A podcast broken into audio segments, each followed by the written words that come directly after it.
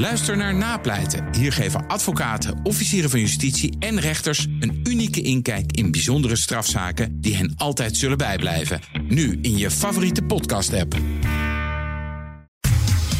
Factgoeroes. Jazeker, in de studio dus Frank Leeman. Goedemorgen. Goedemorgen. Eerst over Biden, die de derde wereldoorlog verklaard zou hebben. Ja, zeker. En dit is iets wat op social media enorm speelde... nadat Amerika ongeveer twee weken geleden aankondigde... dat ze toch de Abrams-tanks naar uh, Oekraïne gaan sturen. Sindsdien zijn er plaatjes te zien op social media... Uh, meer dan een paar honderdduizend views hebben die kringen. Uh, een tweeluik, waar je in de bovenste helft van het tweeluik Biden achter een spreekstoel ziet staan. En dan is het citaat in plaatje 1. The idea that we're going to send in tanks to Ukraine, that's called World, uh, World War III. En daarbij dan de datum 11 maart 2022, dus vorig jaar. En dan het tweede plaatje, het onderste plaatje. Uh, dat is dan 25 januari van dit jaar. En daar wordt hij dan geciteerd met: Today I'm announcing that we'll be sending tanks to Ukraine. En er is zelfs een filmpje van met een heel spannend muziekje. En dat klinkt zo. The idea that we're going to send in offensive equipment and have planes and tanks and trains. Just understand and uh, don't kid yourself, no matter what you all say. That's called World War III. Okay? Nou, dat is foute boel. Werkt wel met het muziekje. Oh. Nou, dat heeft in ieder geval.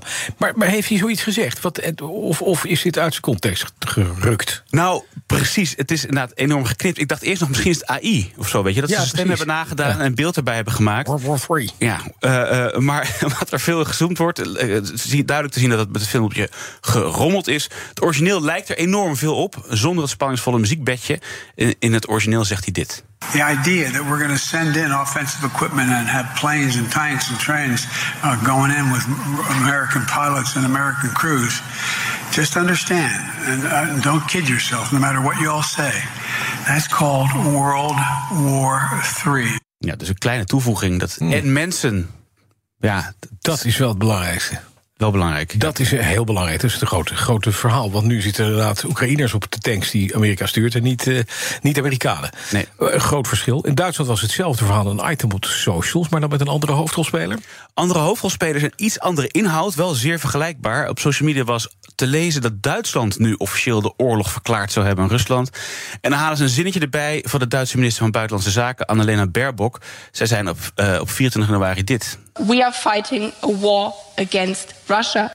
Nou, vervolgens wordt dat zinnetje dus een officiële oorlogsverklaring genoemd. Maar als je dan naar de context kijkt, reageert ze op een vraag van een representant van het Verenigd Koninkrijk. in een vergadering van de Raad van Europa in Straatsburg. En daar, dat is iets te lang om te laten horen, maar daar zegt ze eigenlijk zoiets als: ja, soms moet het ene land, doet het ene land iets meer dan het andere land. Maar laten we ophouden met de blame game en het vingerwijzen. Hè, natuurlijk zeker toen, toen Duitsland wat langer wachtte Ja. met het, met het Met beslissen. van, ja. Precies. De vijand is Rusland, zegt ze, eh, en niet wij zelf. Eh, ja, dus volledig uit context getrokken. Misschien niet vreselijk handig verwoord van haar om het op deze manier te doen. precies. Maar ja, wel goed gevonden als je dan toch een.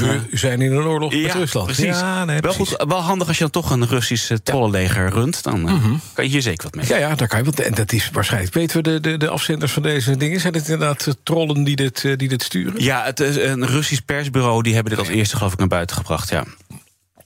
Dan er iets totaal anders, begrijp ik. Totaal anders. Een paar Ja. weken geleden was de bijeenkomst van de World Economic Forum in Davos. Mhm. Daar is al heel veel over gezegd. Maar toen vorige week de winsten van Shell bekend werden, ik dacht 38 miljard euro, Ja, ja.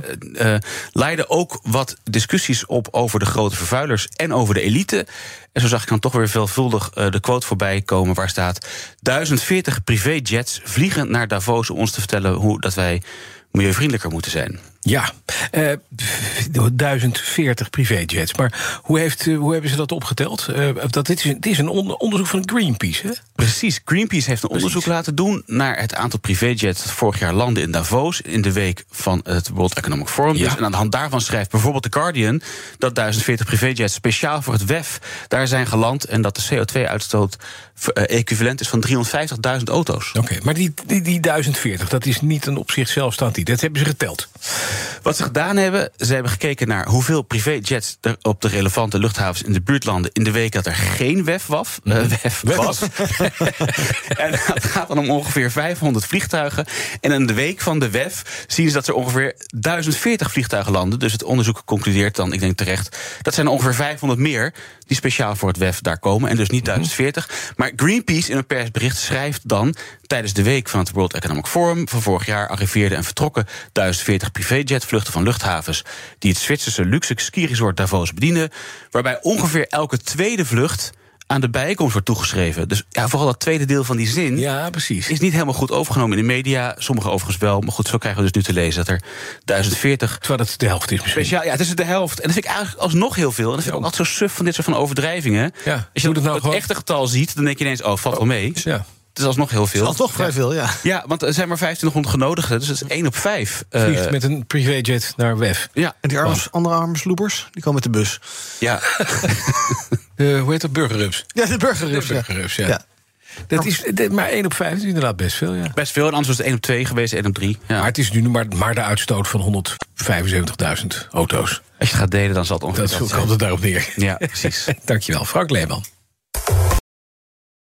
Ook Diana Matroos vind je in de BNR-app. Ja, inderdaad. Je kunt live naar mij luisteren tijdens de Big Five. Ook handig in de BNR-app. Breaking nieuwsmeldingen, maar ook het allerlaatste zakelijke nieuws.